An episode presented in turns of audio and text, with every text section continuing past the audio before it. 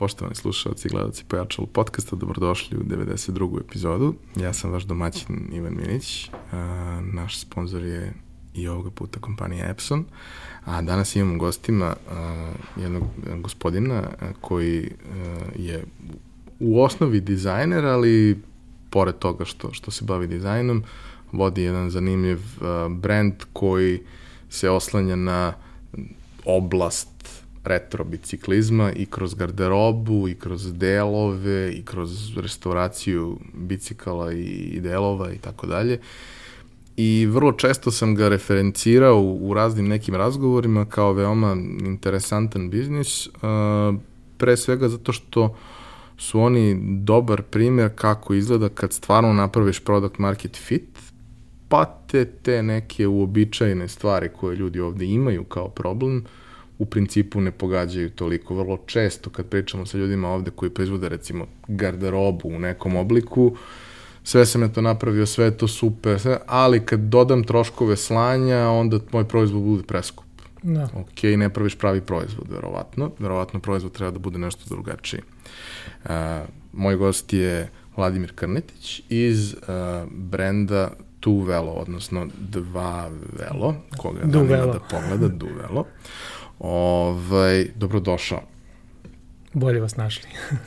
A, cijela vaša priča, mislim, ja sam relativno davno primetio da vi postojite, onda sam pratio sve to, onda smo se upoznali kroz, kroz projekat Moja firma, uradili intervju, družili se i kroz neke događaje, ali za svo to vreme cijela ta vaša priča se, se razvija, a i kad smo se upoznali već je bila prilično, prilično ozbiljna i prilično je to bilo uh, što kažu, školski lepo urađeno sa vaše da. strane. Kad Mislim bi sad, da je to bilo pre nekih četiri godine. Tako, tri, četiri godine. Uh, kada bi trebao sad da napraviš nekakav presek u jednoj, dve rečenice, šta je to sve što, što vi radite? Uh, pa radimo bukvalno sve što, ove, što podrazumeva neki vintage biciklizam, znači ono retro biciklizam ili sad ne znam više kako to da nazovemo. Znači, ovaj, prvenstveno to, su, to, su, to je odeća za, za taj vintage biciklizam, to jest to su replike, konkretno majice i ovaj, odeće, replike odeće iz a, koje se koristile za biciklizam iz a, recimo 70. i 60. godina prošlog veka ali pored toga postoji i ceo segment koji je vezan za rezervne delove, za restauraciju zanimljivih bicikala. Da, da, ovaj, znači to je čitava priča, znači tu, to su mahom ljudi se u inostranstvu bave time, to je kolekcionarstvo, hobi, ovaj, i ovaj, oni znači sakupljaju a, te neke stare, stara bicikla koje su koristile profesionalno za biciklizam, i ovaj, delove, um, odeću i sve to i znači praktično to je neka, ajde kažeš, niša koja je vintage biciklizam, ovaj, retro biciklizam. Estetika toga je veoma interesantna. Lično nisam neki preterani fan, ali mogu da vidim šta je to nešto što se ljudima, ljudima dopada, ali nije samo stvar u estetici, stvar je u tome da je to bilo neko vreme koje je bilo mnogo koloritnije u smislu uh, kakvi karakteri su učestvovali u svemu tome, kako je to sve izgledalo. Danas to sve izgleda kao da su se gomila naučnika skupila da isprojektuje robota savršeno koji će pobediti. Tad je to bilo mnogo više negde stvar karaktera, ljudi Jeste, i svega da. toga. Da, znači i ovaj, mislim, tehnologija je napredovala u samom ovaj, biciklizmu ovaj, i, tu, i preuzela je maltene sve. Tako da ovaj, do negde polovine 80-ih su se koristili čelični ramovi za izradu bicikla. Odeća je bila vunena, izrađuje, izrađuje se od, od vune, ovaj, to je sada sve ono, polijester, plastika, za ramove se koristi karbon, tako da ovaj, to je sve negde, da kažem, do polovine 80-ih ovaj, korišćeno. Kao i negde što je ono u, u, u svetu mototrka i Formula 1, što je taj neki period 60-ih, 70-ih, koliko god možda rizičniji i sve ostalo, možda i bio atraktivniji za ljude, jer da. nije bilo limita, mnogih vrsta, nije se toliko vodilo računa i o bezbednosti i o svemu ostalom, pa je to onda zaista bilo gladijatorsko takmičenje. Jeste, da. A svi ti ljudi koji su se bavili time su bili veoma zanimljive ličnosti od toga da su suštinski bili bili rock zvezde u, u, u svojim, svojim nišama sa svim tom momentima da ono fotke nakon trke, danas je to nezamislivo, ali tada je to potpuno bilo ok da oni sede, puše, piju vino dobro Jest, i tako da. dalje. Tako da to je neki o, i lifestyle moment koji je, koji je sve to nosio. Da, da, i dan danas je recimo konkretno za biciklizam uh, najpoznatiji biciklista svih vremena Eddie Merckx je čovek koji je 70-ih vozio ovaj, bicikli, bio biciklista i tad je bio ono vrhunac njegove karijere. Uh, Tako da nije i dalje niko od, od ovih, kada kažeš, novije generacije dostigao njegovu slavu. Ja mislim da, da, da je jednim delom to upravo taj, taj lifestyle moment, odnosno činjenica da, ok, bilo je veoma uspešnih biciklista u prethodnih nekoliko decenija, ali niko nije želao da živi njihove živote. Da, moguće. Deluje kao da je to jako puno odricanja, fokus isključivo na jednu stvar, minimalno uživanja, da bi uopšte mogao da postane Jeste, što, da, što, što su oni postali. I mislim, pogotovo posle one cele a, afere i priče oko Lensa samog, tako da posle toga je to nekako ljudi se više nisu povezivali sa, sa tim biciklistima, tako, na taj način kao pre. Ta vrsta profesionalizacije malo ubije dušu da, ovaj, da. celog sporta. A, pričat ćemo mnogo o tome šta, šta sve radite, kak, šta ste radili, kako je došlo do toga, ali na početku moram da te pitam isto što pitam i sve goste, šta si teo da budeš kad porasteš? Pa nemam pojma, nikad nisam imao neki, ono, neku jasnu ideju šta ću biti kad porastem. Ovaj. Tako da nekako sam, i, i često sam menjao to, ono kako najđem na nešto da me interesuje, tako sam mislio, e sad ću to time da se bavim. Tako da nikad nisam imao definisano tačno, e sad ću da budem, ne znam, doktor ili bilo šta, nego ono jednostavno menjalo se kako, kako, kako su me inter, interesovanja vukla, tako sam i ja menjao to, ovaj, neku ideju šta bih, šta bih da budem kad porastim. A koja su ti bila interesovanja koja, koja pamtiš negde? Pa recimo da me uh, veoma interesuje biologija, ono kao, ovaj, ali da, mislim da je u stvari i super što nisam otišao u, ne, u tom nekom pravcu. A ovaj, kasnije ono kad sam, kad sam dobio prvi računar i sve to, onda sam ovaj, video da u stvari da me to interesuje, da taj neki pravac, ono, nešto vezano za računarstvo, za IT, ovaj, tako da sam se onda i preorijentisao na neki ono, grafički dizajn i to, ovaj, i, i to je ono negde što, što ovaj, konkretno i sad radim, ovaj, tako da, da sam se tu našao. A što se tiče obrazovanja, kako je to izgledalo u, u tvom slučaju? A, pa, nakon osnovne, o, završio sam a, elektrotehniku, neku srednju elektrotehničku, a, I isto tako to zanimanje koje sam ja tada završio, recimo ja ne znam da li to sad uopšte postoji, ovaj, to je neki TV mehaničar ili tako nešto, to više sigurno ne postoji. A ovaj, nakon toga sam upisao ovaj, fakultet, ali od početka je to bila ideja ovaj, da, da upišem fakultet samo zbog vojske, da ne idem u vojsku, a ne da bi ga završio. Tako da, ovaj, ubrzo nakon toga sam, kad sam i upisao faks, odmah sam i našao prvi posao, tako da je tu onda se i završilo ovaj, moje studiranje.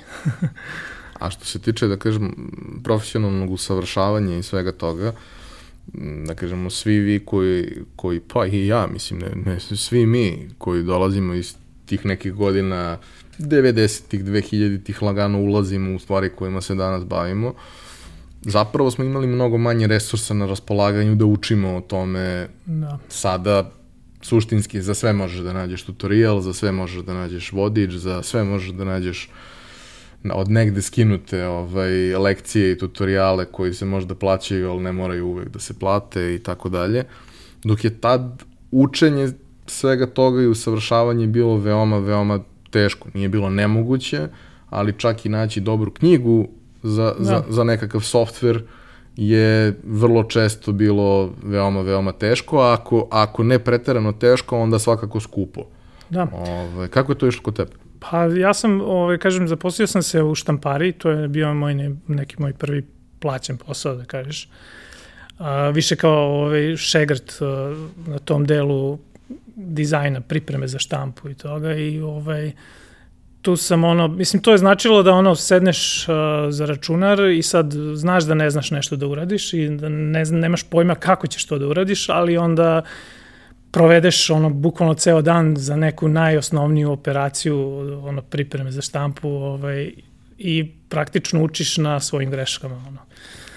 Tako da ovaj Da, sad je to mnogo lakše zato što imaš internet, pa onda možeš ovaj, odmah da pretražiš i nađeš odgovor za bukvalno šta god te interesuje. Ovaj, šta god da, se, da radiš, možeš da vidiš tutorial na, na netu ili neki YouTube ili šta god. Onda, PDF da skineš, da pročitaš knjigu. Ja se sećam ovaj, kad, je, kad je bio u gostima uh, Boki Stefanović, logoholik, on je isto krenuo to kao, kao klinac koji isto nije baš bio načisto sa, sa tim šta hoće da studira, morao je zbog roditelja, vojske i svega ostalog.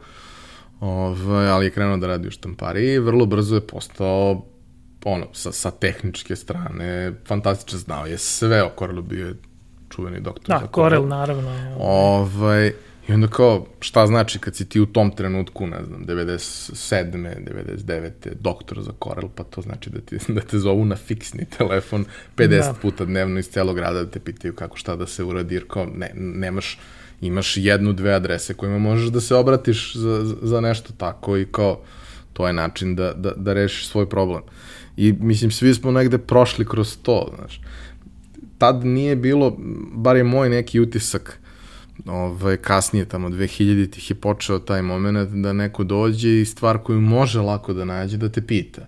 I naravno, to, to te iznervira, jer kao treba da. ti tri klika na Google da dođeš do odgovora za to, ali ti ipak hoćeš da potrošiš moje ili nečije tuđe vreme za to. Ali e, u, u to vreme iz koga dolazimo mi, to baš i nije bilo tako. Mislim, jedini način da uspeš je bio da pitaš, a znaš da ako pitaš baš mnogo, to da. neće na dobro da izađe. Pogotovo ako si počeo da radiš i ovaj, sad malo je nezgodno da ti stalno pitaš za svaku ovaj, sitnicu, a došlo si tu, dobio si posao, tako da ona... Da, još je to bilo divno zato što ti, ti godina, ovaj, sećam se recimo za ono, pripremu štampu kad radiš, onda radiš ripovanje fajla, što znači da, ovaj, mislim sad to računari odrade ono u, sekundi, ne, nemaš, ne primetiš da je odradio takav posao, dok je to tad trajalo, znači pustiš fajl na ripovanje za ovaj, separaciju boja i to traje ceo dan, bukvalno, znači ujutru pustiš i onda čekaš, ono, moliš Boga da ne pukne nešto, da ne nestane struje ili tako nešto i onda tamo popodne kasnije ovaj, fajl je završen, kao urađen, i onda moliš Boga da je sve okej okay, kad se odštampa da nema neka, negde neka greška zato što ono izgubit ćeš gomilu dana a još napravit ćeš gomilu ono škarta. Tako da da mislim baš je nezgodno. Mnogo je, mnogo je lakše sada to.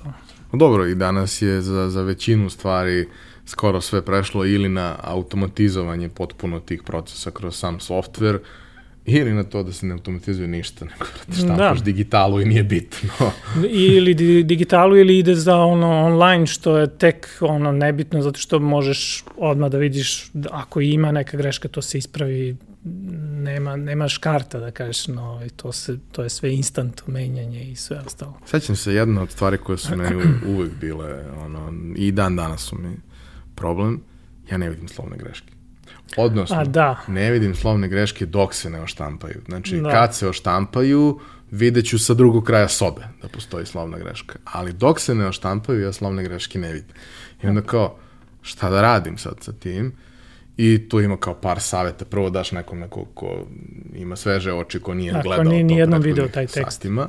Ovo, druga stvar, kao kad, je, kad nije previše tekst, kad je previše, nema što da radiš. Kao jedan od saveta, par puta mi je pomogao, kao čitaj od kraja Šta da čitam od kraja? Čitaj od kraja reč po reči, vidi je li ima smisla. I sad, naravno, inženjer u meni kao, da, da, da, da. I, ali sve reči su okej, okay. samo negde sklop nije dobar, da, da, da. zato što nije dobar oblik. pa kao jebi ga, znaš, kao sad mnogo tražiš, ali, ali okej, okay, kao. Ovaj, uh, kako se priča razvijala nadalje, u smislu, ono, to je nekakav početak, šta su ti bili naredni poslovi? Uh, svi poslovi su mi bili vezani za, za štampariju, ovaj, grafički dizajn i štampariju. Um, ono kako sam došao do ove, ove priče sa, sa biciklima, to je u stvari iz uh, nekog onog, uh, kad sam bio klinac, uh, volio sam, volio sam biciklizam, ovaj, uvek sam imao bicikl, ono svoj, mislim, rođen sam u Zrenjaninu, što znači, ono, default, to je kad si klinac imaš bicikl i voziš ceo dan si na... Da, da. Ovo, ovaj, tako da je, mislim, ceo grad je bike friendly, ono, imaš staza svuda. Deca iz Užica nemaju bicikl. pa ni u Beogradu nije to toliko zastupljeno. Ajde, možda novi Beograd ovaj, ima, ima uslove za, za ovaj, ima biciklističke staze, ima uslove za bavljanje biciklizmom, ali, ovaj, kažem, u Vojvodini je to drugačije. Ovaj, ljudi, em što koriste ovaj bicikl, em što i vozači koji ovaj, koji su u saobraćaju paze na bicikliste, ovaj, obraćaju pažnju na to, jednostavno svaki dan su zajedno u saobraćaju, pa onda je to drugačije. Ovde kad bi izašao sa biciklom, ono, pogotovo na starim, starom delu grada, to je ono, znači da ćete neko pregaziti, ono, bez problema. da neće ni stati. I, ovaj, I kažem, onda odrastanje to u Zrenjinu je ovaj, do, do toga da sam ja stvarno voleo biciklizam. Nije me interesuo futbol, nije me interesuo košarka, ništa od tih, da kažeš, normalnih default ono, sportova, nego me interesuo biciklizam. I ovaj, naravno, 80-ih, 90-ih nikao nije imao dovoljno ono, para da kažeš da može sad da potroši par hiljada maraka na, na neki kvalitetan ono, ovaj, biciklizam to jest kvalitetan bicikl ono, da, ovaj, da kupi i ovaj, uvek sam imao želju da kupim tako nešto. Ovaj, sve dok nisam ono, počeo sam da zarađujem pare, nisam ni imao priliku da, da, da kupim sebi ono nešto, da kažeš, skuplje. I, ovaj, i tada, ovaj, negde 2007. sam, sam se preselio za, preselio za Beograd, ovaj, dobio, ono, kažeš, malo ozbiljniji posao. I onda sam ovaj, slučajno došao na oglas mi je video ovaj, neki bicikl koji mi se svideo i ovaj, kupio sam ga i tu onda kreće ovaj, ludilo. Počinjem da kupujem tako da skladištim, da, ono, da kažeš, ovaj, da punim podrum. Ovaj. Sve je počelo tako što si postao horder. Da, bukvalno. A onda, a onda, se, ovaj, onda je bolest se razvijala da, u drugim pravcima. Bukvalno tako. Ovaj, da, ja sam ono, onda nakon ono, godinu, dve sam napunio podrum bukvalno sa, sa ovaj, biciklima delovima i svime i onda sam skontao, ok, pošto ima i, i dalje dosta toga što bih da kupim, a ono, nemam prostora da držim, onda sam ovaj, skontao da bi bilo dobro da nešto prodam što mi je manje bitno ovaj, i da kupim, da bi mogao da kupim nešto drugo. I onda naravno kup, prodaš jedno, kupiš dva. Ovaj, da, tako da ovaj, nije neko rešenje, ali ovaj, kre, krećem u neku razmenu, u prodaju, ovaj, neke pare se izarade i ovaj, onda nakon sledećih opet godinu, dve, ovaj, iznajmljujem prvi prostor ovaj, da bi mogao da smestim ovaj, sve što imam, ono, celu kolekciju svoju. Uh, da bi negde, ja mislim da je to bilo 2011. ili 12. godine, da sam otišao prvi put na erojku. Ovaj, to je ono najveće okupljanje ovaj, ljudi koji se bave tim kolekcionarstvom ili hobijem vintage biciklizmom. I ovaj, tamo kad sam otišao, onda sam skontao da od, ce, od svega toga da ovaj, može da se napravi ozbiljan posao. Da, da postoji sasvim dovoljna populacija koja nije prevelika, ali je dovoljna, koja je vrlo emotivno investirana Jest. u celu priču i zaista žele da imaju te da, da. neke da. autentične komade ili makar replike toga koje će zaista da budu verne onome da. kako izgleda original. Ali pre nego što pređemo na deo sa, sa, garderobom, uh, volao bih da, da malo popričamo o, o, o samim biciklima i, i tom delu priče, jer i tu ima neverovatnih priča.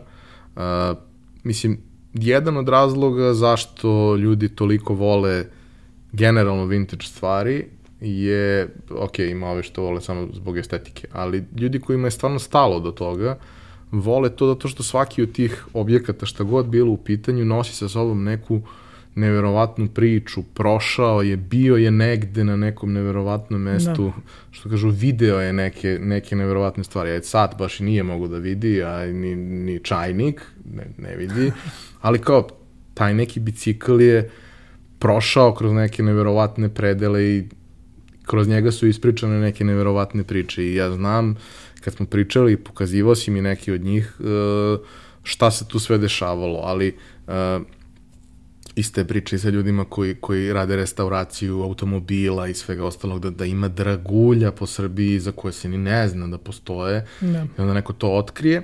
Ali ono što mi je tu, recimo, najinteresantnije i vrlo često, da kažemo, izazovno, ja isto imam prijatelje ko, koji, recimo, se bave restauracijom nameštaja, jer kao nekad je nameštaj bio pravljen da traje večno. Da, i da se ono kao... nasleđuje generacijama. I mislim, Znaš, kao ta fotelja koja je tad napravljena, osim što je i danas fantastična, to je fotelja na kojoj sediš, ustaneš posle 3 sata i ništa te ne boli, jer je to neko se stvarno bavio time da to, da to bude kako treba, testirao i sve ostalo. Pravio ga je sa ciljem da će da traje večno, a ne da. sa ciljem da ćeš da kupiš novu posle 3 godine. Tako je bilo i sa ovim. Uh, vrlo često, pošto pričamo uglavnom o čeličnim biciklima, to da bi moglo da bude trajno i sve to, i to je malo i teško i, i to malo to ima više materijala nego što je neophodno, što onda omogućava da zapravo ti možeš da uradiš kompletnu restauraciju toga na neki pravi način. Ali, treba ti majstor, trebaju ti delovi, treba ti sve. Uh, deo da, kad da. ti treba da iscrtaš po, gledajući sliku pa pokušavajući da, da, da, da rekreiraš na osnovu slike, kad treba da iscrtaš nalepnice i da ih oštampaš na foliji, to je najmanji, ili oslikaš, to je najmanji problem. Da, da. Ali sve ovo ostalo deluje kao, kao noćna mora. Volao bi da podeliš neku priču nekog bicikla, ne, nešto što ti je stvarno bilo ono kao, možeš i od, i od, i od prvog koji, zbog koga si ovaj, kao odlučio da uđeš u to, ali i, i neki koji su ti stvarno bili značajni u svemu tome? Pa ono najznačajnije što, ovaj, to je najznačajniji bicikl koji sam imao i to mi je stvarno žao što se, na kraju sam ga i prodao, mislim, nikad ono, neću sebi oprostiti to. Ovaj, to je bicikl koji je a, 52. Ovaj, davno, znači bilo je, bila je jedna pista ovaj, ono, montažna, drvena, koja je bila na stadionu, sad nisam 100% siguran na kojem stadionu, ja mislim da je na stadionu Rada ili Radničkog, ovaj, u Beogradu, znači bila pista koja je, i tada su za, za potrebe ovaj, SFRJ tima ovaj, naručili iz Italije tri ili četiri ovaj, bicikla koje su korišćene za pistu, za, za trke na pisti. I jedan od tih ovaj, od tih 3-4 bajsa koliko je bilo, je ovaj, završio kod mene. Ono, kupio sam ga nekim čudnim putevima, ono, sam došao do njega. Sve priče kako si kupovao stvari su bile čudne, da se razumemo. to, da, da. Uglavnom, uh, to je onako bilo nešto ovaj, što, što sam mislio da nikad neću doći do toga ovaj, i kako se zove, kažem, dobio sam priliku da ga kupim, bio je u očajnom stanju, pošto je ono bukvalno korišćeno, ono, da se deca vežbaju na, na njemu, ono, početnici da, da, da vežbaju bicikl, na, vožnju bicikla na njemu. I ove, ovaj, ja sam ga restaurirao, a, naručio sam nalup, nalepnice za njega, dekale te, ove, ovaj, sam naručio od lika iz Australije koji je trenutno drži najveći shop za, za dekale ono, na svetu ovaj, konkretno samo baš za, za, za, za taj tip bicikla, znači ništa drugo, ne, ne za gradski, ne za BMX i ovaj, ostale. I ovaj, naručio sam od njega nalepnice i on kad, je, kad, je, ovaj, kad sam ja tog naručio, on me pitao kao zašto ti treba, kao čudno je zato što te nalepnice baš ne kupuje, ne prodaje baš često. Ovaj, to, to, tada su ramovi tipa 50-ih, taj Čineli koji je bio ovaj, ta pista, ono, radi, rađeni su, to su handmade ovaj, ramovi i to su bile sve ograničene serije, ovaj, nije bila masovna proizvodnja kao sada. Što znači da su ono radili tipa 200-300 ramova za celu godinu i to je to. I radilo se obično samo po naručbini, znači nije mogo da, da odem ja sad kao ono, nisam profesionalni biciklista i odem i kupim ono, ram ove, ili bicikl, nego je, znači, jedino ako sam ja neki profesionalni biciklista, da, moram, mogu da odem i da kupim. I tako je, tada je ovaj, taj SFRJ tim i, iz tog razloga i dobio priliku da kupi tada ovaj, taj Rami. I uglavnom on je mene pitao kao zbog čega ovaj, ti trebaju te, ti dekali. Ja sam rekao treba mi zato što imam pistu iz 52. koja, ovaj, koju hoću da restauriram. On kad je to čuo, on je on odmah krenuo sa, sa tim da, da, ovaj, da hoće da kupi to kao ovaj, taj, taj bicikl od mene. Ja tad nisam razmišljao. On je, ovaj, nisam razmišljao o prodaji. I ovaj, restaurirao sam ga, objavio slike na nekim forumima, grupama gde se ljudi ovaj, okupljaju vezano za taj vintage biciklizam. I uglavnom ovaj, on me bukvalno jedno godinu dana ono smarao sa tim da, da, ovaj, da, da ga kupi, da ga kupi. Na kraju sam pristao, prodao sam ga i kažem, to su ono, pokajao sam se žestoko zbog toga. Mislim, nisu bile mare, male pare u pitanju i ovaj, sve to okej, okay, ali žao mi je jednostavno što, ono, što je otišlo iz, u krajnji slučaj otišlo iz Srbije, tako nešto. Ovaj. I ovaj, rekao sam mu naravno da, da, ovaj, da, da, da kad god odluči da ga proda, platit ću mu ono, minimum onoliko koliko je on meni platio ovaj, ili ako bude tražio više, nije problem, platit ćemo i više. Međutim, još uvek ovaj, ne želi da proda i ovaj, on ima ozbiljnu kolekciju između, ovaj, osim toga što... Tamo ima mesta, u Australiji ima mesta dosta. Da, da, da, ima da se širi. Tako da nije, nije problem. I ovaj, to je jedan od, od, da kažeš, ono, to mi najviše žao što sam ga prodao. I ovaj, imam još, imam još zanimljivih dosta ovaj, ovaj, zanimljivih Za neki bih volao da mi kažeš, e, pošto, mislim, nije kao da, da tu postoji poslovna tajna u smislu da sad neko može da ponovi proceduru i da dođe do bicikla na taj način, ali kao da, da, da objasniš neku priču kao kako si dolazio do nekih komada koji su istorijski neverovatno značajni, to sve uh, negde ono, po, po selima, u pa da, kakvom stanju, tako, prefarbani. Ovaj, kod nas nikad nije bilo nešto ozbiljno, ljudi se nikad nisu bavili ozbiljno biciklizmom, bar ja to smatram da to nikad nije bilo ozbiljno. Ali ovaj, recimo dosta, dosta stvari uh, ono, naš ljudi, naši ljudi tamo čiste po, po Nemačkoj, po, ne znam, Francuskoj, Italiji, čiste podrume, ono, šupe i ostalo i onda te stvari kompletno sve ono donose u Srbiju, tako da svašta tu može da završi ovde kod nas. Svašta može da, da se nađe u autobusu, svašta, u onom delu da, za prtljag. Da, ili u kombiju. I ovaj, tako da onda dolaze svakakve stvari. Ovaj. Sećam se jednom, ovaj, kupio sam isto tako pista bicikl. Pista bicikl je bicikl koji nije za vožnju po gradu. Mislim, to je To je bicikl koji nema kočnice, prvo, znači pogon je direktno vezan sa zadnjim točkom, tako da ti bukvalno moraš non stop da okrećeš pedale, znači nema kontre ili ono da ima slobodan hod, da kažeš da, ovaj, da možeš da ne vrtiš pedale, nego moraš non stop da vrtiš pedale.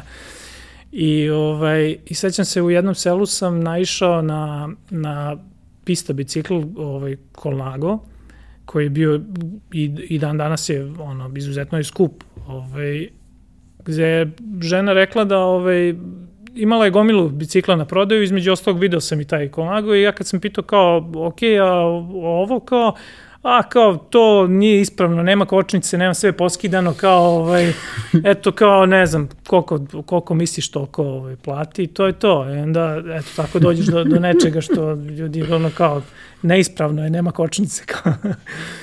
tako da možda se nađe, kažem, svašta ovaj, pogotovo od kad ljudi naši ono idu preko i čiste podrume i ove šupe razne. I dovlače. I dovlače, da, horduju.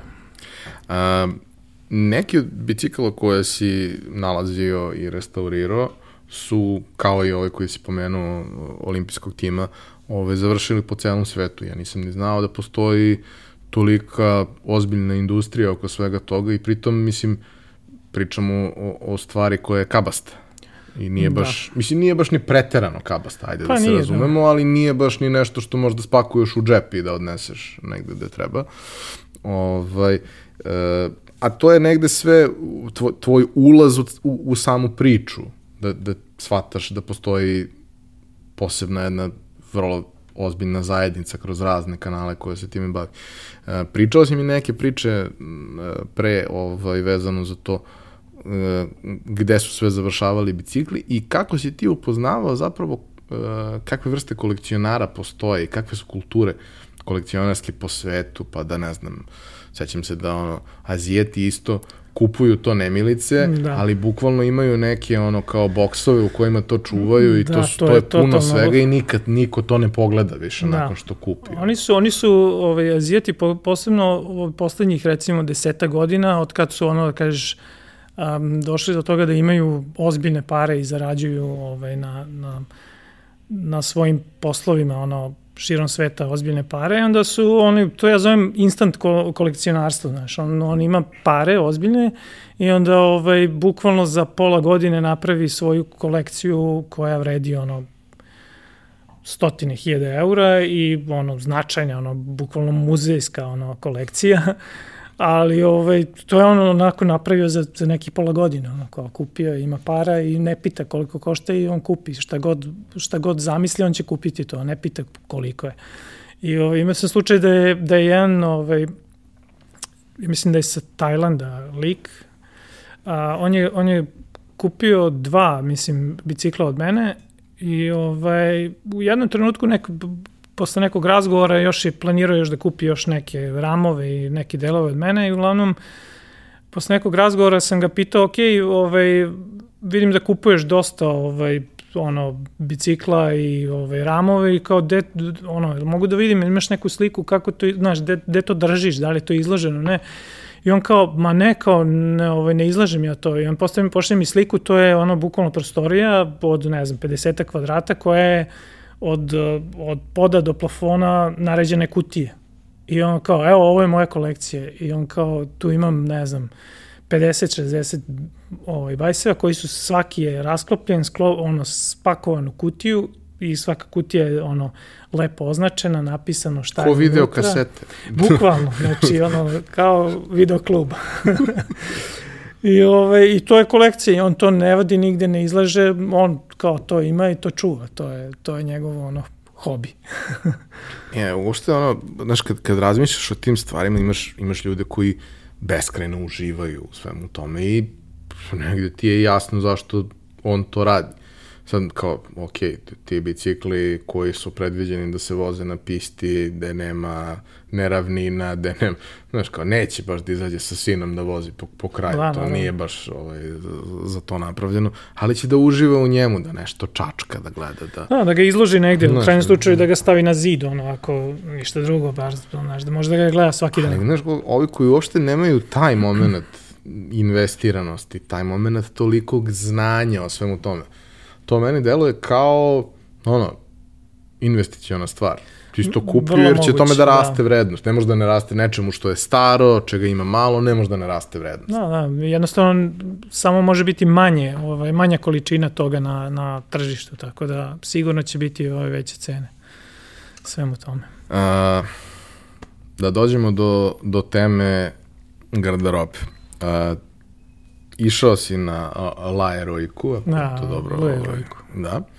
Ovaj, I e, to je e, događaj na kome se skupljaju čudni ljudi koji vole čudne bicikle, dolaze i oni što imaju veliki točak i tako dalje. Da, da. I to je kao neka vrsta uh, revijalne trke sa sajmom, mislim defilea, ne trke, ali kao sa sajmom gde se prodaju da. razne vrste stvari koje, koje, ti ljudi, koje ti ljudi vole. Kako je to prvo iskustvo bilo kada si skapirao da priča ima smisla, kako je to sve izgledalo, šta, šta je to sve bilo? Ja sam, ja sam na netu ono, video da, da ima takav događaj, nisam imao predstavu uopšte kako to izgleda, ono, dok nismo otišli na, na tu trku.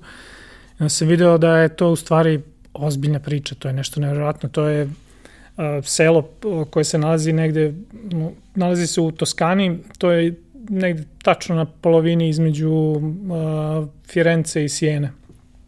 I ovaj, to je selo koje ima, mislim da nema ni hiljadu stanovnika, možda ni, ni toliko. Ovaj, ali kad je taj događaj, to je uvek prvi, prva nedelja, prvi vikend u oktobru. I ovaj, kad je taj događaj, onda oni imaju uh, negde oko 8 do 10 hiljada ljudi koji voze tu trku, revijalno. Uh, trka ima različite ono staze, dužine staza. Vozi se mahom po onoj njihovom beloj, belom tucaniku, ovaj, to su, ono, vozi se kroz maslinjake, kroz vinograde. I, ovaj, i ceo taj događaj traje od, od negde od četvrtka pa do ponedeljka. Znači, ovaj, ceo vikend praktično, produženi vikend. I osim tih ljudi koji dođu da, da bi vozili tu trku, to je nekih, kažem, 8 do 10 hiljada, dođe još sigurno jedno ono, dva do tri puta više njih koji, koji dolaze zbog samog ovaj, marketa i zbog celo, celog tog događaja da, da, da gledaju. Tako da je to ovaj, u, u, za taj vikend dođe ono, ne znam, 20-30 hiljada ljudi ono iz celog sveta ovaj, se okupi na tom jednom mestu. I ovaj, ozbiljno je tržište, ima, ima dosta italijana i ovaj, Nemaca, ajde kažeš, i Francuza koji, koji imaju štandove tamo, prodaju te vintage uh, bicikla, opremu i ovaj, delove. I tada sam, tada sam video da je to stvarno ozbiljno tržište i da to može da, da, da bude ozbiljna priča. Video sam da, da dosta njih a, prodaju, prodaju te originalne, originalnu odeću. Ovaj, u tom trenutku 2012. nije ih bilo mnogo koji su radili te replike. Ono, bilo je jedna ili dve firme iz Italije koji su radili ovaj, replike tih starih majica i šorceva. Ovaj, sada ih ima, ima par. Ovaj, I uglavnom, tada sam ovaj, rekao da, to jest rekao sebi da ono, želim ja da, da probam da, da, da napravim repliku ovaj, tako jedne majice i da vidim da li, da li ja to mogu da, da, ovaj, da plasiram negde, da prodam. Uh, mislim da je negde otprilike godinu dana mi je trebalo da, da, da, da dobijem prvi komad sa kojim sam bio zadovoljan. Da kaže da je sve bilo onako kako je, kako je original izgledao. Znači od veza, od uh, šavova, od materijala, svega toga. Znači i, uh, sigurno godinu dana mi je trebalo da, da, da dobijem prvi komad sa kojim sam on, baš bio zadovoljan kako to izgleda. Da objasnim samo, uh, dakle pričamo o, o periodu uh, biciklizmu u kome su ti dresovi bili od vune, gde su to u suštini kao veoma tanki džemperići u obliku nekih majci, ovaj, ali u suštini to je, na dodir je to kao veoma tanak džemper, a razlog zašto je vuna korišćena je zato što je vuna fantastičan izolator i kad je toplo Jest. i kad je hladno, ona je, ona je sjajna i, i, i, I ne drži... samo to, vuna ne prima uh, miris, miris u sebi, tako da. da posle ono, vožnje, ako si se i oznojio, ovaj, ne, ne usmrdi se, ono, kao sad neki polijester ili nema pojme. I isto tako, recimo, kada vozite, vozite ovaj, u vunenoj majici, počne kiša, recimo, da pada, vi ste, kada, kada, pre, kada stane kiša, vi ste suvi. Znači, ne upija u sebe toliko materijal. Ja, gotovo uopšte, u da, suštini. Da, da. Ali posebna stvar je što, dakle, pričamo o vremenu kada suštinski se nije radila štampa na tome ne. toliko, nego ne, su vez. sve te aplikacije morale da budu izvezene, utkane u, u, u, u sam dres i ti kada gledaš to sa strane danas, a, a sve gledate na osnovu fotografija, albuma iz tog perioda, ti vidiš nesavršenost i to, taj ispis, taj logo koji je napravljen, on nije 100% jedan kroz jedan, ono, lenjirom identičan kao što je da, kao zato što, što je original. između ostalog tada se za vez koristile mašine koje su kao šivaće mašine što su danas, samo što su imali specifičnu glavu koje su ovaj mogle da vezu vezu sa sa ovaj sa vunom, sa vunicom. I znači to nije digitalni vez kao što sada imamo ono digitalni vez, pa ti sa to isto kao na štampaču tako pustiš ovaj digitalni vez, nego je ovo ajde da kažeš, ručni, ručni rad. Ono, ove, ovaj, znači, prvo se iscrta na papiru oblik slova koji, koji se veze, pa onda se preko toga ovaj, veze direktno na majicu. Tako A. da je to malte ne ono, manualni posao, manualni rad. Tako da ni jedan komad od tih nije, nije identičan.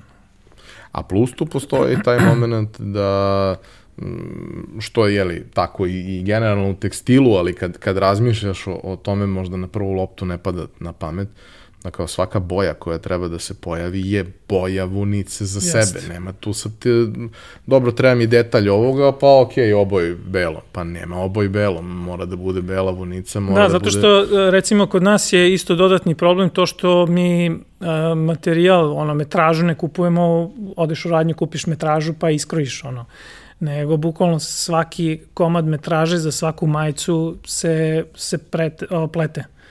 Ove, mi vunicu uvozimo iz Italije kao, kao konac koji se koristi za pletenje metraže i onda se tek prave, sklapaju majice. Tako da, da ovaj, i kad naručujemo boju, obično se ima, ima problem sa tim da, da ne može da se naruči kilogram vunice u nekoj boji, nego znači imaju količine koje su minimalne za, za bojanje vunice i, ovaj, i sam proces naručivanja traje, zato što a, ni fabrika nema na lageru sve boje u svakom momentu, nego momentu kad mi naručimo, njima treba dva meseca da oni oboje vunicu u boji koju smo mi tražili. I isporuče. I isporuče, naravno, da. Znaš, to podrazumeva, dakle, ono, prilično kompleksnu organizaciju iza svega. Da, i spor je proces, znači mi kad dobijemo tu vinicu, znači nama treba još ovaj, dosta vremena da mi to da kažeš, ispletemo metražu, da se sako, ovaj, iskroje ovaj, majice, da se sastave, da se iz, uradi vez, tako da taj proces je onako 2-3 meseca, 3 meseca sigurno. Ali isto tako nema baš mnogo prostora za neku toleranciju u smislu, dobro, nije to ta boja, ali blizu je, može, ne, ne može, ne, mora da ne. da bude ta boja, jer ako Jest. nije ta boja, onda to nije to. Ne, jednostavno ljudi ne, ne žele da kupe, ako to nije replika, ono, 99% kao original, onda neće kupiti jednostavno. Ne. Ili možda će hteti da kupe, ali ne po ceni Da, naravno. Koja opravdava tu količinu da, onda u, u svakom i slučaju uvek mu ostaje, ove, ako nema para, on kupi ono, polijester proizvod no, iz Kine. Majicu sa štampom da, koja da, izgleda ili slično. tako nešto.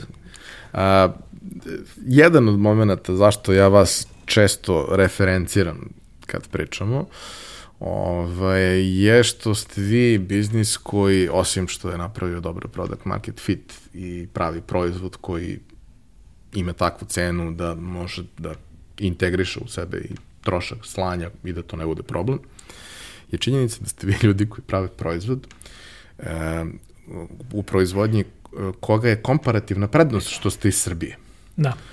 Zato što način na koji se proizvodi proizvod, način na koji se plete vuna i sve ostalo, koji vi koristite da biste e, napravili replike da budu zaista verne onome, to nigde više ne postoji.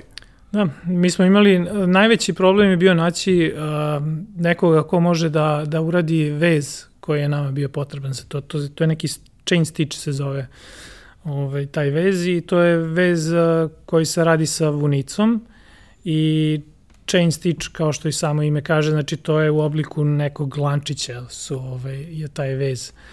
I recimo trebalo nam je ono dosta smo vremena pro, proveli dok nismo našli da, da neko uopšte to može u Srbiji da radi. Na kraju smo našli ovaj čoveka koji je to bukvalno mašinu izvukao ono iz on, neke garaže i rekao kao ja to nisam palio sem od 70-ih, ono, kao nisam imao potrebe za tim, ono, završila bi na starom gvožđu da niste vi, ono, kao došli da, da mi tražite.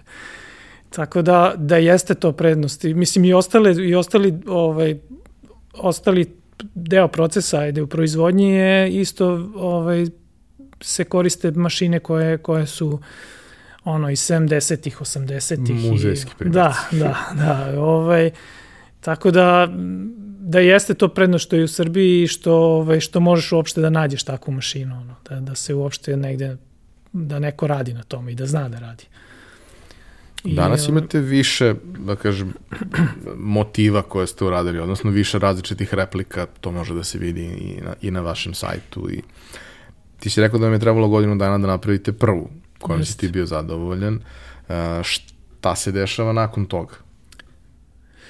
E, nakon toga ja uh, odlazim ponovo na erojku sa tim jednim, ono, u stvari imao sam možda tipa dve majice, tri sam ponovo sa sobom i, ovaj, i pokušavam da, da prodam, uh, to jest da, ono, da sklopim posao sa ljudima koji već prodaju takve stvari ono, na, na erojici. Ovaj.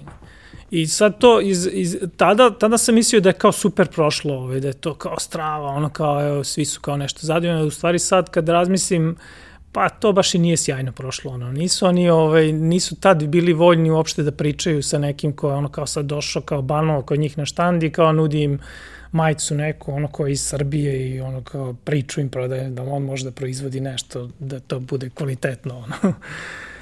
I ovaj, da, kada sam se vratio sa Erojke, onda sam ovaj, razmišljao, ok, ajde da probam da vidim da li mogu ja da prodam to na online ovaj, pokušavam na ebayu i vidim da je to kao pun pogodak, da može da se proda i da to super priča.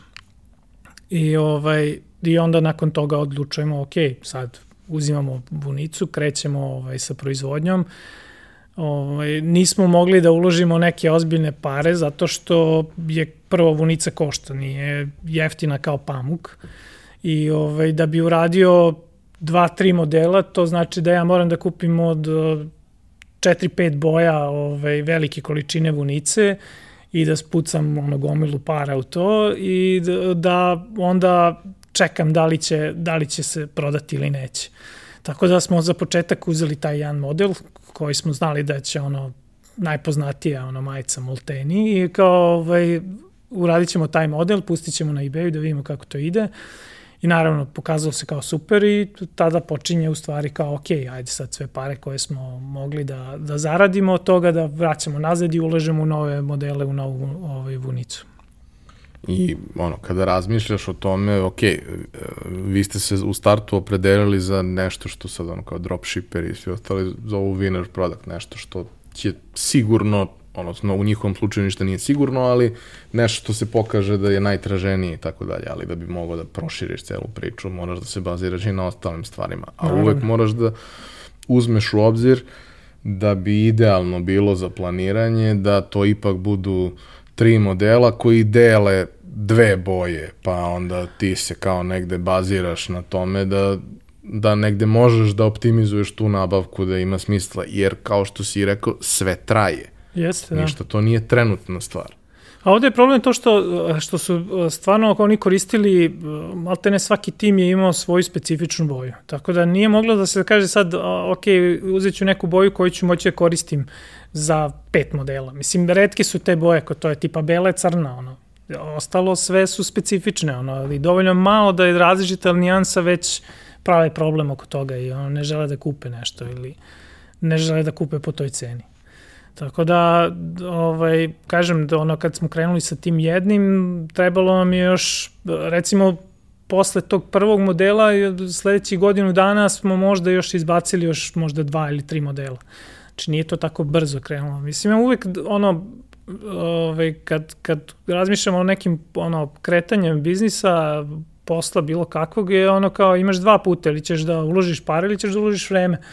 Pa sad, biraj šta Ili ćeš. oba. Ili oba, da, ali ono kao, kod nas je bio slučaj, nisam, nismo, nismo imali neke ono ozbiljne pare da uložimo, da, da ovaj, spucam pare u to, a, nego je ono kao, ok, imamo vreme, pa uložit ćemo vreme, pa koliko traje, traje, pa nek sam sebe ono kao da kažeš pokreće i sam sebe ovaj, ono, jedan model napravi drugi, tako da, da smo tim putem krenuli.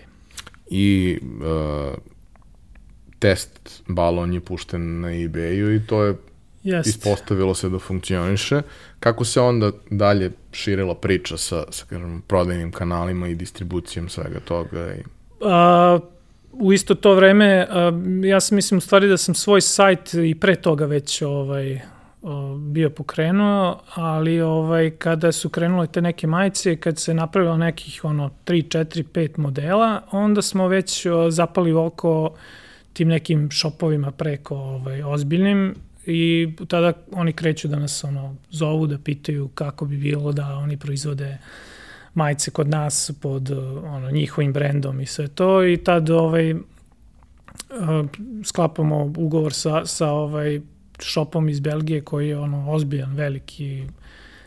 Ovaj, oni su, ja mislim, tad u to vreme, to je tipa 2014. bili su ono naj, najveći što se toga tiče, ono Uh, oni su imali svoju proizvodnju negde u Poljskoj i ovaj mislim mi kad smo mi kad sad kada uporedim njihove ono uh, kako kako to rade ovi u, u Poljskoj i kako mi radimo tu proizvodnju mislim ozbiljna je razlika mislim neću da se hvalim, ali ovo što, što kako smo mi uradili repliku je daleko bolje i ovaj, kvalitetnije uređeno nego ono što, kako su oni uradili. Ovaj, taj vez ne može da se poredi ono, kako izgleda naš i kako izgleda njihov, tako da ovaj, i tada kažem ovaj, dobijamo posao sa, sa, šopom ovaj, iz Belgije i još par šopova, jedan iz Nemačke, jedan iz ove, Engleske i krećemo sa njima da radimo. Uh, bilo je to posle, nakon dve ili tri godine po, ponovo odlazimo na Erojku ovaj, i tamo smo tada već ono imali svoj štand, prezentovali smo, tada su ono gomila ljudi, tad nas ono videla u stvari kao, ovaj, kao ozbiljne proizvođače ovaj, i sklapamo još dodatnih ovaj, ono, ugovora, poslova.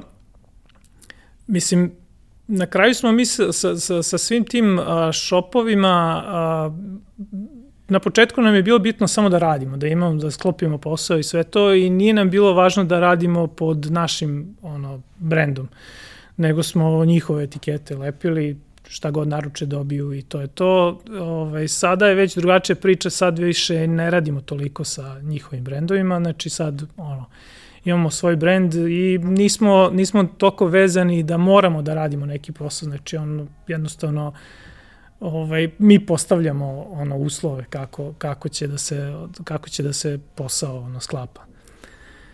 I ovaj, eBay je i dalje ono jedan od, od, od bitnih ono kanala prodaje. Ovaj, iako, iako ovaj, se trudimo da dosta toga prebacimo na, na naš shop, eBay je ozbiljno tržište, tako da ja bi to, taj eBay mogu da preporučim svima koji žele da, da, no, da probaju neki proizvod, da vide da li će se prodavati i da li je to ono, nešto što, što može da uspe da probaju na eBayu. Ono, to je test. Ono, da no, dobro, imaš, ono, kačiš se na njihov marketplace, što je suština, yes. kačiš se na njihovu publiku. Negde sam baš pročitao, ja mislim da imaju uh, 100, trenutno imaju 180 miliona aktivnih kupaca. Znači, kupaca koji su tu da kažeš svakog meseca nešto kupuju ovaj, na eBayu. Tako da to je ozbiljno tržište. A što se tiče događaja, komisione prodaje, sličnih stvari? A, nakon te prve rojke, kažem, tu smo dosta ovaj, upoznali ljudi koji imaju šopove i upoznali smo dosta a, ljudi koji su organizatori raznih događaja na, na ono, svuda po Evropi. Ovaj, tad sam video da otprilike e, kad krene sezona, to je negde početkom marta, ovaj, pa to negde sve do polovine novembra, znači bukvalno svaki vikend ima neki događaj negde u Evropi, ovaj, tog tipa, okupljanje, ono, sad veći manji, kako gde. I onda smo dobijali pozivnice da, da idemo na te događaje, da, ovaj, da izlažemo, da pokazujemo naše proizvode i sve to. I onda smo a, sledeće godine izabrali ono 5-6, otišli smo na 5-6 tih događaja, godinu posle to, prošle godine smo recimo bili na nekih sigurno jedno 12 tako nešto ovaj događaja, znači ono bilo je meseci kad smo bukvalno svaki vikend negde u Evropi išli ono ovaj izlagali naše proizvode. I ovaj toga toga ima dosta po Evropi, u Nemačkoj ima mnogo događaja, u Italiji naravno. I, ovaj, i ono, dobili, dobijamo sad već pozive i prošle godine smo radili za, za dosta tih trka na koji smo išli da izlažemo, dobijamo poziv da, to jest dobijamo ono da, da pravimo njihove majice ovaj, sa njihovim ispisima i sve to, znači vunene majice samo sa, sa ispisom ovaj, njihovog brenda, to jest njihove trke. Tako da i ovaj, ljudi onako sad baš dosta znaju za nas, ono, svi, svi nas znaju ono, u tom svetu. A što se tiče saradnje sa, sa tim postojećim šopovima gde ono kao po Evropi u, u, većim gradovima gde postoji ta kultura, postoje specializovane radnje i u njima isto mogu da se nađu vaše proizvode. Da, naravno i u imamo recimo u Nemačkoj ima najveći o, za, za biciklizam, vintage biciklizam, to je ono stil vintage, svi znaju za, za njega i svi, to je ono top. E, ovaj, u njihovom shopu oni, oni prodaju naše majice. Ono. I oni su bukvalno sad, evo, poslednjih pola godine su ono, došli do toga da su nam rekli da izbacuju sve druge ono, proizvođače, drže samo naše, ono, ovaj, samo naše proizvode, naše majice. A gde još po Evropi, recimo, ljudi mogu da vas nađu? Pa sve, sve š, onda kažeš u Italiji, u šopovima, ima nekoliko manjih šopova, u Francuskoj, u Velikoj Britaniji, u Brightonu, recimo ima veliki šop, imamo super saradnju sa njima. U Japanu imamo isto šop koji, koji uzima od nas. Oni su ono totalno ludi, kod njih su cene nenormalne. Ono. Japan. Da, to je, znači, majica koju tipa mi prodajemo za 90, ono, 90 eura, kod njih to košta 250. Ono. I opušteno oni to prodaju, znači niko ne pravi problem oko toga. U Americi dosta, dosta toga dosta toga odlazi za Ameriku i imamo isto dva šopa koji, koji od nas uzimaju ono regularno. Malezija, za neverovati isto. Ovaj. Tako da svuda, ono, svuda po, po svetu. Ovaj. Nema mnogo proizvođača ovaj, eh, tih uh, konkretno majici, nema, nema mnogo ono, on, proizvođača koji proizvode. Ono. Ima u Italiji dva, dva ili tri, um, oni su dosta čudni, ono, italijani, ono, nemam pojma, oni su nekako nisu, nisu voljni za neku saradnju, ono, pretarano, ono. Imaju svoj proizvod da nabiju cenu i ne interesuje ih nikakve priča, ono, da prodaješ negde u svom šopu i to zna koja je cena i kao ne interesuje ga da ti spušta cenu, da ti daje neki ono, rabat ili to, to njemu uopšte, uopšte ga ne interesuje, takve stvari. A koliko misliš da ima veze i sa tim što kao uh, možda imaju neki sentiment, jer kao sujeta, ovaj, da vi sad nešto ulazite na teren koji bi trebalo da bude njihov? Pa ne verujem da nije, nije to u pitanju. Mislim da jednostavno oni, čak, ne, čak i ovaj, recimo ima tu dva, tri velika proizvođača koji ne, ne prodaju ništa online. I to je čudno. Oni, niti ih interesuje, uopšte ne žele da ulaze u to i da, da se bave tim. Tako da možda i to pitanje. Do duše to su stariji ljudi, tako da možda ih takva stvari ne interesuje toliko sad baš ono pod stare dane da se time ono zamlaćuje. Tako da uglavnom svuda, svuda po, po svetu ovaj, možda se nađe naš proizvod onda se kupi. Ili, ili direktno pod našom, našim brendom ili ono pod nekim labelom ono, drugim. A kaži mi, vi ste, da kažem, u, u industriji koja je prilično u onom komercijalnom segmentu te industrije eksplodirala od kako je krenula korona. Jer su, su svi krenuli od kućnih bicikala pa do da. svih ostalih, bukvalno u razgovorima sa nekim ono, ljudima koji se na ovom tržištu bave uh, proizvodnjom, distribucijom i svega toga, kao mi, mi ne možemo da napravimo, mi ne možemo da naručimo koliko treba, jednostavno to su neke, neke sulude količine. Ali to je zato što kao ljudi kući, pa da bi malo A, imaju imali aktivnost više. neku, to im je najjednostavnije, super im je da mogu da cirkulišu kad nema gužve, plus naravno eto, razvijaju se i sistemi dostave koji se sad više baziraju na, na biciklistima nego što se baziraju na vozilima dobrim delom i zato što imamo fantastičan saobraćaj u gradu. Ovaj, ali kao to što vi radite nema veze s tim. Ali opet u razgovoru pre ovoga si mi rekao da je vama korona nije predstavljala nikakav, nikakav problem. Ne, ovaj, mi smo, baš sam ti rekao, znači to kad, smo, kad je krenulo ovaj čitav haos sa koronom i zatvaranjem i svema, mi smo bili onako uplošeni dosta da, da, da će to da značajno da utiče na, na naš posao i da će se ovaj, taj neka online prodaja da, da, da se smanji.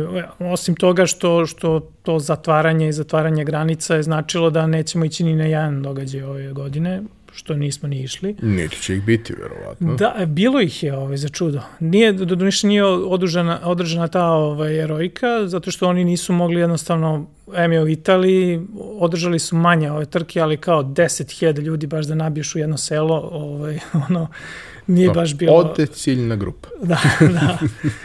Da, pogotovo da je interesantno što recimo na toj erojici dođe od toga, od tih cifre od 10.000 koji, koji voze, 2.500, ja mislim, ljudi koji su ono 70 plus koji dobijaju besplatne tikete da voze, ono, kao, znači ne mora da plati, ovo, italijani, ono, stari, tako da, ono, E, ti si meni rekao da tamo mogu da se vide oni bicikli sa velikim točkom. I Može, ja, da. Ja to bih mnogo volao da vidim uživo, jer uvek mi je to delovalo beskreno komično. Uglavnom, ovaj, kažem, bili smo dosta ovaj, ono, uplošeni da će da, da, da bude haos sa tržište, međutim, ispostavilo se da je ono, korona uh, doprinala da, da ljudi ono, sede kući i ono, imam, ne, ne radim ništa, ono, sedim, ajde malo da ono, svoj hobi da se posvetim i da naručim delove, da naručim ono majicu, nema veze što neću voziti, ali kao, eto, kao mogu, možda ću sledeće godine, pa ono kao, O, ovaj, tako da, da je ovaj, prodaja stvarno, od, bukvalno od kako je krenulo od početka godine do sada, onako, to, su, to je negde, kad poredim sa prethodnom godinom, to je recimo dva do tri puta mesec je bolji nego prethodna godina. Wow. Da, ozbiljno je, ozbiljno je bolje. A što se tiče proizvodnje? I proizvodnja nam je ono kao se ispostavilo da je, da je super zato što mislim, nažalost, ono, kod nas u, u Srbiji su ono, proizvođači u, u, ovaj, ugroženi sa, s celom ovom situacijom i onda poslovi koji su bili njima vezani za, za Srbiju nisu baš bili ono sjajni, obim posla se smanjio, naplata je ono bila nemoguća i onda su bukvalno nas ono držali kao super zato što vi imate posla, imate posla, ovaj plaćate, ono radimo šta god treba, uzimamo odmah vaše, tako da da ovaj iz te strane nam je ono super ono ispalo ovo cela ovaj ceo haos. A kaži mi pošto uh, imao si prilike da na razne destinacije šalješ razne vrste paketa većih, manjih, komplikovanih, prostih. Uh, kako taj deo priče ide i što se tiče saradnje sa kurirskim službama i što se tiče samih izvoznih procedura i svega toga. Znaš, vrlo često kao neke jeftinije opcije koje se uzimaju i ispostavi se da to baš nije možda 100% pouzdano i tako dalje. Vaši proizvodi su takvi da baš taj rizik se i ne isplati. Ne bi trebalo da se ide no. na, na to da će paket možda da dođe. To ne, baš naravno. nije dobro. Uh, kako vi rešavate taj deo priče? Uh, radili smo od početka, ono imamo ugovor sa post eksportom, to je ona poštanska ovaj, služba za, za izvoz paketa i ovaj, to je onako jedino po meni što je, da, da kažeš ima ne, do negle ono normalne cene ovaj, za, za slanje paketa, ono, A, naravno tu je i DHL i FedEx, međutim oni su nerealno skupi, ono, pogotovo DHL, to je nemoguće ovaj, da, da, da neko plati slanje majice ono 50-60 eura, ono, to, je, to niko neće platiti.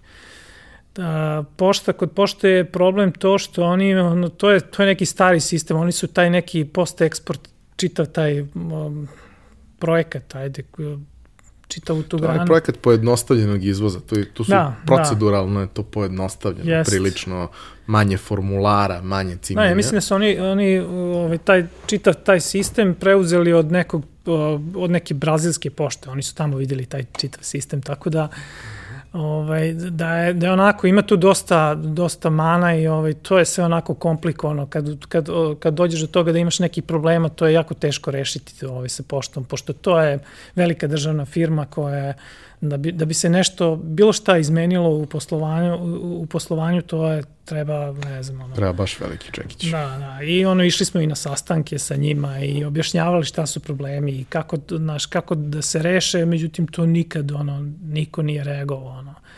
Nema nikakvog odgovora, ne interesuje ih to, oni rade svoj posao, ja kontam da ne radiš, žive oni od toga, to. tako da... Ne, neće nikom plata biti veća, da, nije nema komercijalna priča i kao niko nije motivisan.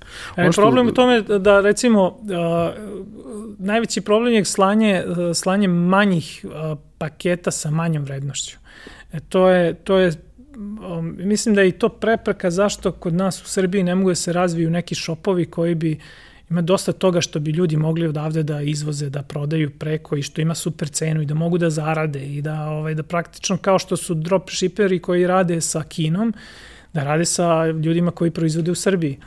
Ali je to nemoguće zato što kod nas, recimo konkretno kod post eksporta, najmanja, ono, najmanji paket oni vode da je to kilogram tako nešto. Znači oni nemaju skalu cena ispod kilograma i oni, ovaj, taj paket koji je kilogram, tu možeš ti da staviš opušteno, lupam, ako sad proizvodiš pamučne majice, pamučna majica ima 150 grama, 200 ja, pet maksimum. komada, šest Znaš, sa sve pakovane. I sad, ovaj, ok, ako ti šalješ 5-6, pa možeš da naplatiš, pa negde svoje troškove smanjiš, to jest svoju zaradu smanjiš ovaj, na uštrb ovaj, da, toga da pošalješ poštom, ali je problem ako hoćeš da pošalješ jednu majicu, jer ta majica pamučna realno nećeš je prodati više od 20-25 eura i to je već onako ozbiljna cifra da sad ti da prodaš nešto za 20-25 eura, a da platiš slanje za Ameriku 20 eura. Znači ta majica košta 40 kad se sve sabere, to niko neće kupiti.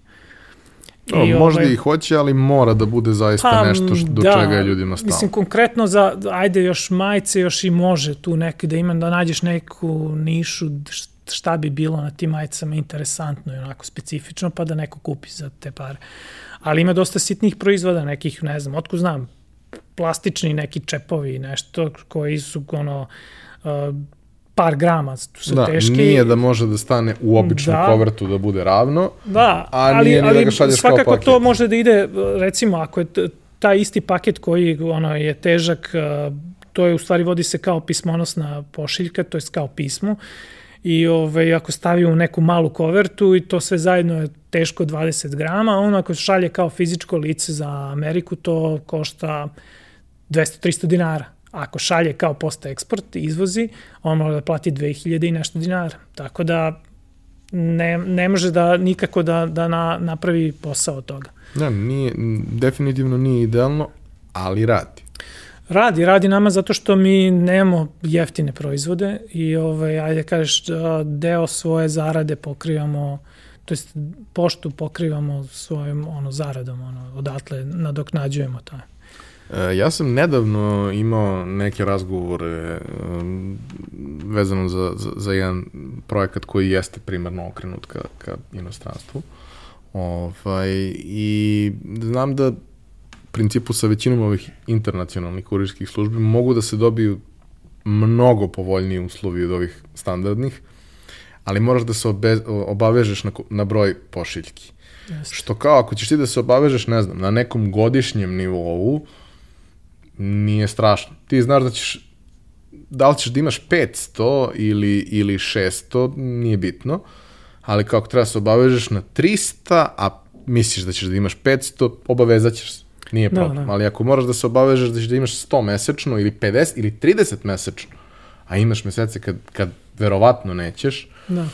onda verovatno nema, nema ta vrsta fleksibilnosti. Znam dosta biznisa koji su ono kao bazirali se na tome da rade kroz DHL, ne naši, da se ogradim, tipa čuveni Sports Direct koji ono kao, mislim da, da je 40% da. svih pošiljki DHL-a koji stiže u Srbiju Sports Direct, Sport Direct toliko besmisleno jeftino košta taj deo slanja DHL-om svih tih stvari, ali to su hiljade i hiljade i hiljade pošiljki i naravno da kad šalješ hiljade pošiljki imaš pregovaračku da, ozbiljne, poziciju koja ozbiljne. nije baš uh, uobičajena. Pritom i njima negde tom istom DHL-u nudiš mogućnost da na jednom mestu urade pick-up svega. Ajde, ne idu sve na Jest. istu lokaciju, ali kao, znaš, ako dolazi uh, ono, pola kontejnera svaki drugi dan u Srbiju, jeste mnogo lakše da, da ti negde i optimizuješ i nađeš sebe u celoj toj priči. Dok god je to pojedinačno nešto, svakako da. je izazov.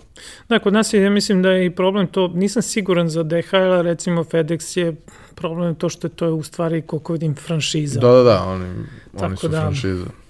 Dok Mislim, po nekim ugrade- pitanjima su super za saradnju u smislu nekakve interne organizacije. To da, nema dolazi zamerku. vrlo brzo. Mnogo, mnogo su bolji i ozbiljniji, mislim, post eksport, eksport prvo što ti, znači, možeš da se istimaš, ono, mi idemo sa gomilom paketa, dolazim na šalter kao i svaki, ono, kao da idem da plaćam račune, i onda guraš se, ono, sad kad je počela korona, sad je to još, ono, dodatno otežavajuće, zato što, ono, ne možeš preko reda, moraš da čekaš, znači, ono, sa, sa svima ostalima, i, ovaj, Tako da pošta je stvarno ono problematična, ali ono nužno zlo sad trenutno nemamo ništa ono bolje i pametnije tako da radimo Mislim- dosta i sa FedExom.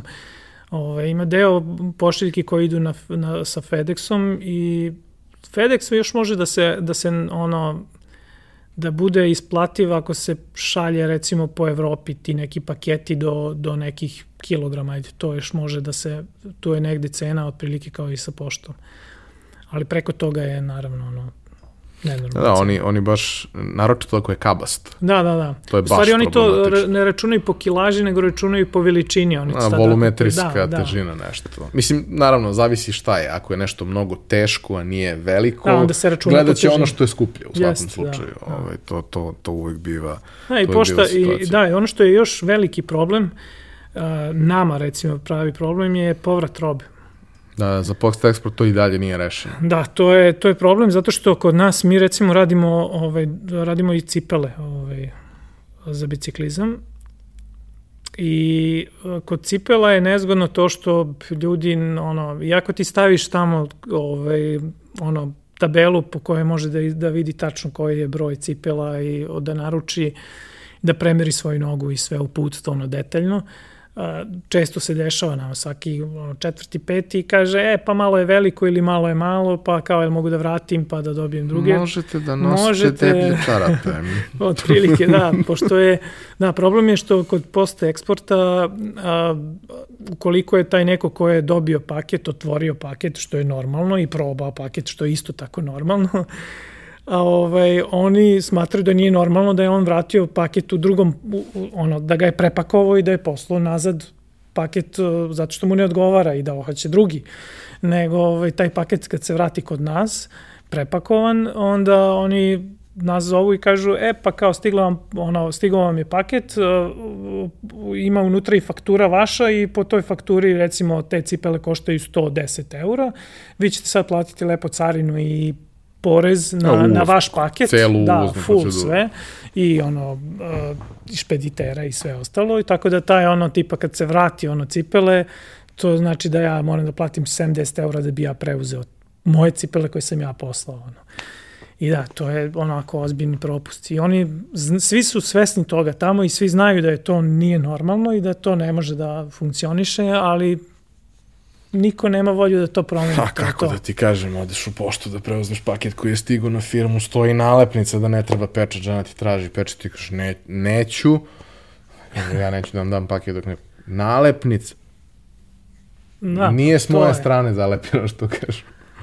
Ove, tako da dobro, mislim, e, meni se čini nekako taj moment ove, korone koji je sve nas prilično protreso iz temelja, da je ako, ako je jedna stvar dobra se desila iz svega toga, to je da su, nadam se, mada ljudi imaju kratku pamet i vrlo brzo zaborave, Da, mislim da nadam se da, su, da je deo ljudi koji je smatrao da mora fizički da se dođe, shvatio da ne mora fizički da se da. dođe i da ne treba uslovljavati ljude i da postoji hiljadu i jedan način da se stvari završe i bez toga, jer život je morao da funkcioniše i kad nije moglo fizički da se dođe, da. pa su se nalazili načini da to dođe. Tu negde vidim neku mogućnost. Kao i za, znaš, kao e-commerce koji je realno procvetao tokom, tokom korone, jer su ljudi skapirali da ok, to što ja nemam navike i ne odem u nabavku kako treba da isplaniram za naredne dve nedelje, nego svaki dan nešto pomalo kupujem i to sve, e, to sad više ne može. Da, i onda skontaš da je i to i bolje, onda kad ti dođe na kuću, na adresu I i kad... optimalnije i sve. Međutim, uh, svi ljudi koji su u e-komercu lokalno imaju isti problem koji imate i vi. A Da, to da. su kurirske službe. Jest. I u svakoj varijanti, u svakom obliku to predstavlja neku vrstu većeg ili manjeg problema, neko ima relativno dobre saradnje i sve to, pa se desi problem, a neko ima užasnu situaciju gde kao, znaš, paket je nestao i 18 dana putuje tih da, 2 mi smo km. imali na početku kad je ovaj, krenulo zatvaranje i kad je krenulo ceo ludilo, mislim da je to bilo t- tipa m, recimo maj, u maju negde, eh, je, su paketi ono jednostavno imali neki ono delay, to jest bili su u limbu, ono, nigde se nisu nalazili ono po mesec i po dana. Da, da. Znači, bukvalno nisi mogao da ga nađeš nigde. Na trekingu se vodi kao da je izašao iz Srbije, ali se nije nigde pojavio Da, posle toga. nije bilo komercijalnih letova Da, kroz koje ono, to najčešće ide. Jednostavno, tada su, tada su paketi kasnili po tri meseca. I tu je ono, uh, ajde bila naša prednost, ajde ako to može se nazove, to što, što nismo više bili toliko sitni igrači na, na eBayu. Uh, eBay je jako, mislim, oni su, oni su cela, cela sad ta politika njihova je se svela na to da su zašt, ono, kupci maksimalno zaštićeni, ono. Kao i generalno u Americi, da se razumemo. Jest. Imali su, bili su jako na lošem glasu ovaj, pre recimo 5-6 godina, onako eBay je bilo leglo na prevaranata i svega i onda su ono sasekli i posle toga bukvalno znači kupac može da ti vrati kad god hoće i da dobije full refund, full refund za sve živo. Znači, bez ikakvog razloga da obrazloži zbog čega je nešto vratio ili zbog čega nešto neće da preuzme ili šta god. I ovaj, kažem, nama su tad ono počeli da kasne ozbiljno ono paketi i ajde imali smo sreće što smo što smo ono bili nismo bili sitan shop pa sam mogli smo da ono podnesemo taj refund i ako smo znali da nije do nas i da će se taj paket svakako ono pojaviti u jednom momentu uh, čim je neko ono, čim se neko požali da nije dobio i da hoće refund, mi smo istog momenta ono, uradili refund i većina tih paketa čak i posle tri meseca kad se pojavi tamo negde u Americi, recimo ovaj, ljudi se jave i kažu, e, stiglo je, kao sve ono, kao izvinjava se, kao zna da nije ni do nas i ovaj, kao, ajde, dajte nam ono račun da vam platimo, kao. Tako da je, opet ok, ali kažem da smo bili sitni, verovatno bi nas ono za to ono dokrećilo, ovaj, go- gomila eh, ono refounda i onda z- zatim sledi ono čim ne odgovoriš na mail, ne odgovoriš na case, oni odmah ovaj, ti negativnu ocenu ili ti ono posle par negativnih ocena zatvaraju shop, tako blokiraju te ono, tako da ajde kažeš to je bila naša sreća. Dobro, i e, deša, dešava se sve u trenutku kada to postaje relativno uobičajena stvar. Ok, u okviru Amerike ja sam sticajem okolnosti bio zarobljen tamo tri meseca. Ove, kao što svi koji slušaju ovaj podcast znaju. Uh, u okviru Amerike je sve funkcionisalo i overnight je funkcionisao i sve je Jest. funkcionisalo u principu. Ne znam do duše kako je bilo u New Yorku, ne verujem baš da sve funkcionisalo idealno, ali ovamo gde Da, smo ali mi bili u paket, recimo, kad se pojavi paket u ono, sad kad gledaš tracking, recimo, ono, ima dva meseca da, da nigde, ono, tipa, izašao iz Srbije u ono, aprilu i on se odjedanput pojavi u julu ono, u Americi i on kada, kada tog trenutka kad se pojavi u Americi, on u sledećih tri dana je već isporučen. Da, da, da, pa Što naravno, znači da ali to nije bilo toliko bilo. komercijalnih letova. Mi nismo Da. mogli da se vratimo zato što nije postojala nikakva opcija normalnim letovima da stigneš do Evrope. Bilo Da, gde da. do Evrope. Nije sad kao, znaš, ono, dođemo do Beograda. Bilo gde. Pa se to posle malo otvorilo. Bilo je rescue letova, jedan rescue let naše države, ali kao nas 900 i nešto se prijavilo za 250 mesta Da. i naravno da nismo bili prioritet. Mislim, bili, smo- nama je bilo ok tamo, imali smo i gde da budemo i šta da jedemo i tako dalje, ništa to, ništa to nije bilo strašno. Kažem, interno je funkcionisalo, ali sve što je podrazumevalo a, letovi između kontinenta nije funkcionisalo.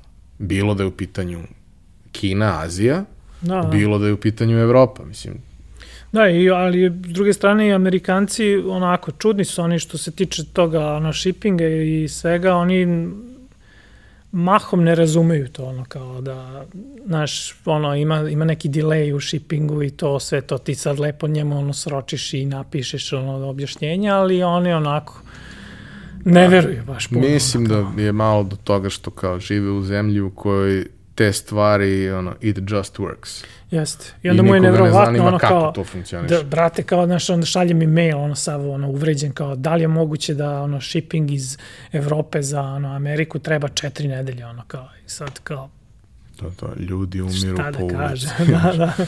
ovaj, ne, ja se sećam par tih nekih potpuno neverovatnih situacija gde, ne znam, pre 3-4 godine imam neku reklamaciju na laptop ovaj, koja je u, ono, koji je u servisnom programu Apple, pa oni to sve menjaju, ali je takva popravka da se ne radi u radnji, ne, nema ono u servisu koji je u radnji iza, ne rade takve stvari, nego se šalje u servisni Da, centar da. se to radi. Ja pitam, dobro, ovaj, mislim, je meni to sredstvo za rad, ne mogu ja bez njega, mogu, izguram jedan dan, ali ne mogu. Ne, ne, kao, nije nikakav problem, donesite danas do, ne znam, šest popodne i kao sutra ujutro možete ga pokupiti. Neko, ne, ne razumem. Pa ne, ne, kao, donesite ga danas, mi ga overnightujemo, oni ga overnightuje nazad, kao, oni ga ujutru pošalju nazad i kao do, u 11 je tu. Da, da. Odakle? Pa ne znam, to se, to se šalje tu i tu, ne, ali nije blizu, nego tipa su, susedna savezna država. Dobro, i onda skapiraš da zapravo većina tih stvari tamo funkcioniše fantastično. I kad je bila ta priča, to mi je ono jedan od, od, od najjačih utisaka, ono, kao, uh, šta je, šta je žila kucavica američke privrede? Kamionđije Da. ono, 2 miliona kamionđija. Kamionđija, e, kombionđija i svih ostalih podvrsta svega toga, ali kao sve može da stane, ali to ne sme da stane. To i oni se sad kao ono najviše boje toga ovaj tih ono kamiona bez vozača i to toga ono kao izgubit će gomila ljudi ono posao ostati bez posla i to će biti ono značajan udar na celu ekonomiju. Ono. To vozila bez vozača, to može samo ako imaš uređene puteve i predvidljivo sve. Ajde, kroz Kod nas da ne. ga vidi. Ne može nas dvojica u kolima kad razmišljamo, ne znamo kako da rešimo. To, to. kao, dobro, došli smo ovde, kao da sećam se ima, bila je neka situacija na Dorčelu, mislim, bila je, bila je pregrađena nešto ulica, nešto su radili to, mislim, da ideš ulicom, dolaziš u jednu tačku koja je suštinski raskrsnica klasična i kao u toj tački kad staneš, ne možeš nigde. I kao, ali, kako sam ja došao uopšte ovde, ja sam izašao iz kola, stav, upalio sva četiri, izašao iz kola i kao kamerom ovako, kao, evo, ne može nigde, ne može ni nazad, sad ja ću da idem nazad jer nemam šta drugo da radim, ali kao, u ovom trenutku, u ovoj tački, ne može nigde. Kako sam ja došao ovde, ne znam, ali kao, dobro, to, to, to je ovaj beogradski uh, kreativni saobraćaj koji ovaj, uzima svoj danak. Svaki dan kad dođem i tražim parking mesto duže od 15 minuta, ono, poželim da, da, da postanem i Upravo iz biciklista. tog razloga, da, da, ono, da, da, da svi pređemo na bicikla, bilo bi super. Ali ovaj, to je nešto teško izvodljivo kod nas. Izgleda. Dobro, i vremenski uslovi i tako dalje. U normalnom Da, delu u sezone, stvari- apsolutno, znaš. Ja Pa- recimo, pričao sam dosta sa, sa, sa drugarima, iako to meni o, isto ni, ništa nije jasno, ja sam čudan, ovaj, na svoj način. Kao, znam dosta poslovnih, ozbiljnih ljudi koji su uzeli ove električne skuterčiće i idu tim. I to ne ono ide, ne znam, dva kilometra do posla pa kao mrzi Da. nego mislim ide kolega ide iz Zemuna u centar grada. Kao, ali što, po ovom je fantastično, ali što, kakve razlike ima, mislim, mogu se ideš biciklom i to se. Ne mogu, oznojim se. Na ovome se ne oznojim, na ovome ja stojim i to se samo desi. Pa dobro, I dosta možda, ljudi je išlo ovaj, na one varijante električnih bicikla. Elektrobajs, da. U stvari to je kao pomoć, nije on da ti moraš ono u fullu da pedalaš ono, nego je više ti on pomaže sad, pa ti možda ovaj, da ono odrediš ko, koji je nivo pomoći ovaj, u Ali tome. možeš i da odeš kod majstora da ga nasvira A, i da da, da, otključa ili i da, ideš sve 60. radi sam. Da, da, da, drugar, drugar moj ovaj, je kao to nešto da, dolazi iz centra do Novog Beograda na neko zajedničko druženje i sad mi smo, ja sam otišao do kuće što je pređem ulicu i to sve i kao Bora koji se javlja dva minuta nakon toga stigo je Netaš Majdanko, brate. Kako? Pa kao, ja sam to bio, malo sam nasvirao, dodali su to, svi ne znam, kao možda ide 65. Da, da, da. Ne, zašto? Pa kao može da ide, ali ne može da stane. ali dobro, ima nas raznih. Nije, nije Beograd uopšte bike friendly, ovaj, kažem možda ono, Novi Beograd još kako tako, aj tamo još možeš da voziš, imaš ono biciklistički, biciklistički staza, ali ovaj, na ovom starom delu to je neizvodivo. Znači možeš da voziš po trotoaru, da ono, da gaziš pešake ili možeš da ideš ono ovaj putem za ono automobile, vozila i da te neko gazi ono, tako da ili da se polomiš na neku šahtu ili na ovaj šine od, tro, ovog tramvaja, tako da nije uopšte ovaj Beograd za, za bicikl. Dobro, ali eto, za, bici, za one koji vole bicikle i vintage bicikle, Beograd da. je očigledno prilično važna lokacija na moru. Da, recimo, to me uvek nervira što ono, kao da bi vozio bicikl u Beogradu, to znači da ono, okačim bicikl na auto i onda vozim se ono 10 km da izađem iz grada da bi vozio bicikl onda, tako da Znaš, nije ono kao sednem i vozim se, od, krenem od kuće i vozim se, nego ono, zakačim na nosač pa idem negde da, da bi se vozio biciklom. pa dobro, šta da radiš. Mislim, ima, ima dosta ljudi koji su ono kao ušli u tu neku celu priču sa mnogo strasti koji znam svakog vikenda voze 60, 70, 100 km.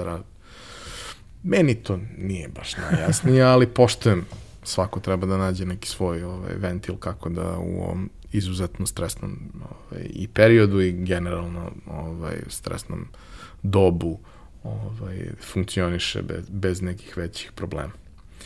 Vlado, hvala ti što si podelio, podelio priču. Uh, verujem da će biti inspiracija za neke ljude koji isto tako imaju neke čudne hobije i vole da, da prave neke interesantne, neobične stvari koje bi možda neko Ivanove zemlje cenio. A, ima toga prostora, mislim da svi treba da ono samo se posvetiš tome što te interesuje, ništa drugo. Znači, možeš da napraviš biznis sigurno. Znači, nema potrebe da smišljaš ne znam kakve stvari, ono, pođeš od svog hobija, ono, svako ima neki hobi, ono. Ovo, ovaj, tako da, samo se posveti tome, ono, maksimalno i nema šanse da, da, ono, da omane. Hvala ti još jednom. Hvala vama što ste nas slušali. Hvala kompaniji Epson što nas podržava.